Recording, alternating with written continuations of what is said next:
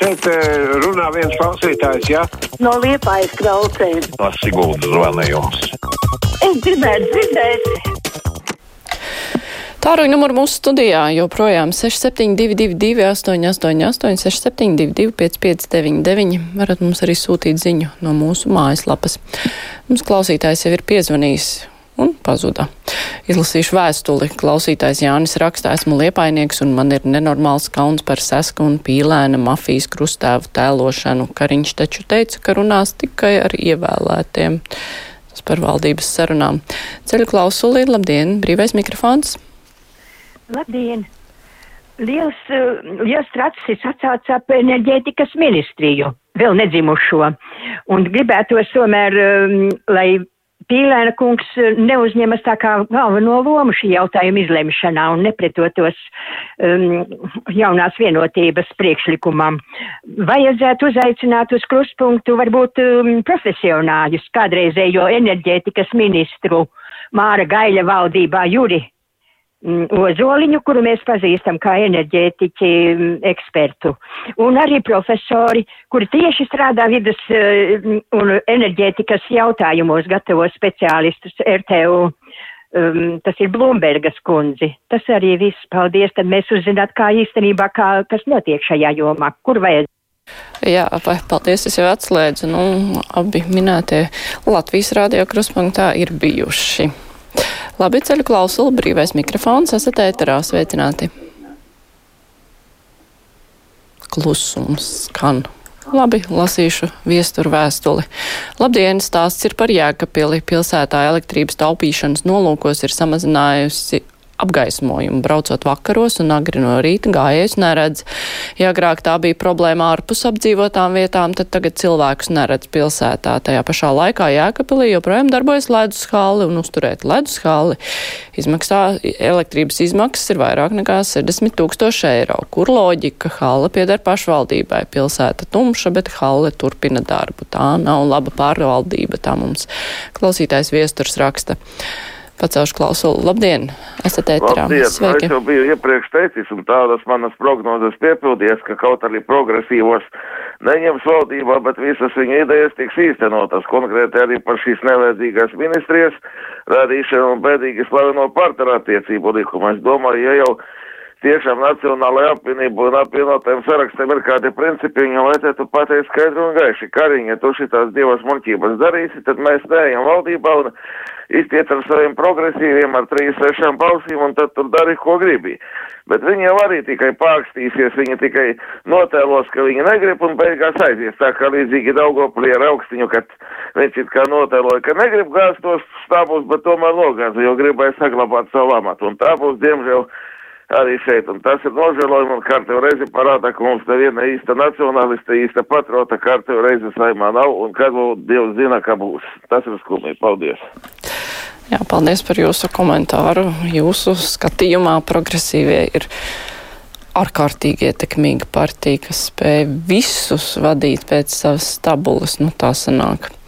Labi, klausītājs zvana. Esat ēterā, sveiki! Labdien! Labdien! Ziniet, es te dzirdēju agrāk, tagad vispār vairs par to nerunā, bet tā kā nacionāļi grib izvirzīt pa aizsardzības ministri mūrnieci, paklausieties, kur ir tie profesionāļi? Nu gan ir, vai te mums tad Latvijā vīrieši aptrūkuši ir? Piemēram, man ļoti patīk šis um, Bergmans. Viņš ir tiešām, viņš ir atbilstošs, viņš ir, nu, kā saka, profesionāls, viņš varētu būt. Nē. Viņi padomā Vitenbergu atkal vecajā tur tanī, ko salasīšu no tā suņu būdas, atkal liks pa ekonomikas ministru, kas viņiem tas rezervis soliņš ir tik īsts. Nu tad, lai mainās, lai viņi iet prom un lai nāk tiešām tie progresīvie. Paldies! Jā, paldies par komentāru, bet tā interesanti izklausās, ka vīrietis kā profesionalitātes kritērijs. Hm. Labi, ceļu klausuli atkal pazuda klausītājs. Andris raksta, pēdējā laikā nevar saprast, vai dzīvot taupīgi, vai tomēr uzdzīvot, kamēr vēl var. Ļoti labs jautājums. Labi, klausītājs zvana, brīvais mikrofons, esat ēterā. Labdien! Labdien! Visiem jauka diena! Nu, es domāju, Daugopilī vajadzēja paskaidrot visiem, kas tur atnāca, ka jau tos pieminekļus, uh, lai viņi dodās uz Krieviju pie Puķina visiem ziediem. Nu, viņš tur pieņemt. Un, Mm. Ah, vai dieniņās jau atslēdz. Nu jā, tur pēc bildēm, kas parādās pēc, pēc šī te notikuma, tur var redzēt, ka daudziem pat uz tērpiem ir atainots, ka Krievija viņiem vairāk ir mīļa nekā Latvija. Santa raksta, esmu šokā par Elksniņa kunga izdarībām, vai tiešām valdībai nav ko teikt. Kā viņš varēja aicināt vakarā pirms demontāžas nolikt ziedus un provocēt sabiedrību uz nekārtībām? Viņi būtu jāatstādina. Tā Santa raksta. Pacaušu klausulu, labdien, esat ēterā? Halo, halo. Pilnīgs klusums. Labi. Agita raksta, bet mīļie cilvēki, laikā, kad pilsētas ir tumšas, lūdzu, vismaz pasi, paši esat redzami. Nu, lietojiet taču atstarotājus. Jā. Halo, Halo, labdien, esat ēterā? zvana jums no bērndārza, no Svētas ielā septiņi. Mums ir pr problēma. Viņa bērndārzā atrodas kā seši lieli nokautuši koki. Mēs ar uh, direktoru esam runājuši, ka tie koki ir jānozāģē, jo viņi var, uh, viens jau tas koks ir nokritis un var uzkrist bērnē virsē, mums nekādu neko nedara. Mēs ar trīs reizes ar direktoru esam runājuši. Un kas jūs būtu tai bērnu dārzā? Es esmu vienkārši bērndārzā, manu bērnu uh, Bet- ietē. Ā, jūs bērni tur iet. Nu jā. Jā. Nu jā, nu. Nu, vienkārši, jo, kad, kad tie koku uzskatīs bērniem, tā būs pavēlu. Taču var no, nozādēt. Mēs kā trīs reizes esam direktorē te- teikuši. Un kāda ir atbilde? Atbildi. Vasarā mēs eh, pavasarī zvanījām. Viņi pateica, tagad nevar zādēt, jo tagad putni līgzdojot, kur sausos kokos, tad nu, putni gan nelīgzdo. Zvanījām eh, jūnijā, tad viņi pateica, kad uh, oktobrī nozādēs. Nu, un tā, tā tas viss iet. Jā, nu, jā, nu tur ir jāturpina runāt, vai arī katram bērnu dārzam ir sava pāraudzības eh, struktūra, piemēram, pašvaldība. Klausītājs zvana, labdien, esat ēterā, Labdien! labdien. Sakiet, ne, es gribu pateikt to, ka pīlēns ir tāds pats kā Lembergs, kas sapulcinājis vecos komunistus. Tā kā dikti jāuzmanās ja no cilvēka liepājā, viņš bija tāds briesmīgs. Jā, paldies par zvanu. Klausītājs uh, Roberto raksta Zariņš no Daugaupils jātiesā par provokāciju radīšanu. Sākumā aicina likt ziedus, lai naktī tos novāktu ar traktoru. Musina tautu viņš ir jātiesā. Zariņš. Kāds par zariņu sūdzas, cits par elksniņu sūdzas. Labi, ceļu klausuli. Esat ētrā, labdien! Halo, labdien! Labdien! Sakiet, lūdzu, vai Līdakam, Ingmāram Līdakam nebija kauns piedalīties vēlēšanās, un viņš tomēr tika ievēlēts. Viņam zooloģiskā dārzā bija nepatikšanas sakarā ar algu sev tur pielikšanu un vispār tādām nekārtībām. Un viņš tagad laksta pa vienu raidījumu, laksta briesmīgi priecīgs, smaidīgs. Kā jums liekas, ko? Nu, ja cilvēkam ir tiesības kandidēt vēlēšanās, viņš drīkst to darīt, un ja vēlētāji uzskata, ka viņam ir jābūt ievēlētam, tad viņi ievēl šo kandidātu. Tas arī ir viss.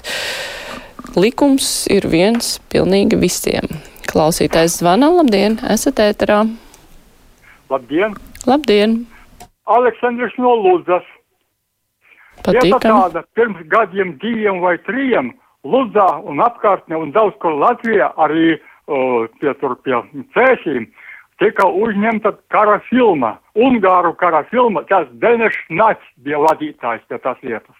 Nu, un es ciku negrabu, es vēl sakot savā dzīves laikā gribēju paskatīties, kā tas tur mednieks izskatījās viņa filmā, vienkārši. Nu, un tagad un neviens neko nezina, galvas nav, zin, nav kam pajautāt. Vieni saka, ka tur esot kaut kas nozaudēta daļa filmas, vēl kādi saka, ka esot tur kaut kāds blējības sākās, viens otrs cietumā ielikts, vai, vai kāds nēmis nelabu galu, bet kā ir ar to filmu vispār, kā jūs domājat? Es nezinu, nepateikšu. Klausītāja Ilze vaicā, bet kur jūs visi bijāt pirms vēlēšanās, vai nezinājāt, ka Pīlēns ir apvienotā saraksta līderis? nu, gan jau, ka zināja, bet acīm redzami zvana ne apvienotā saraksta vēlētāji. es tā pieļauju, ka gan jau, ka tie cilvēki, kuri balsoja par apvienoto sarakstu, nezvana un nesūdzas par Pīlēnu.